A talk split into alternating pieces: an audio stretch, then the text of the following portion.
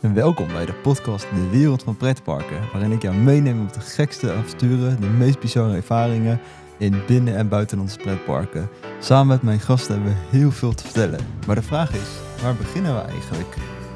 Juri, dat is een moeilijke vraag, want er is zoveel in Disney. Ja, niet alleen in Disney. Ik ben ook naar Halloween geweest in Toverland met de beste scareshow, namelijk onze vriendelijke vriendin Morgana.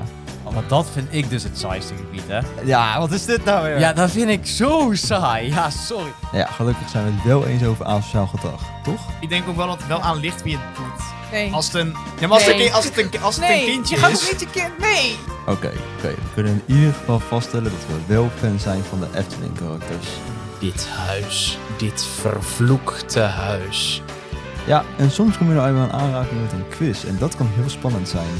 Wat netjes getimed. Binnen de tijd. Ver- Verder, verder totaal geen druk, maar de muziek op de achtergrond die afloopt. overal ze Ja, en soms doe ik dingen die niet zo super handig zijn in een pretpark. Dit- Dit is gewoon een wildwaterbaan, daar gaat niks aan gebeuren. Ja. En dat ding knalt tegen een rots aan en ik lag op de grond in het bootje. Dit en veel meer hoor je terug in de podcast De Wereld van Pretparken.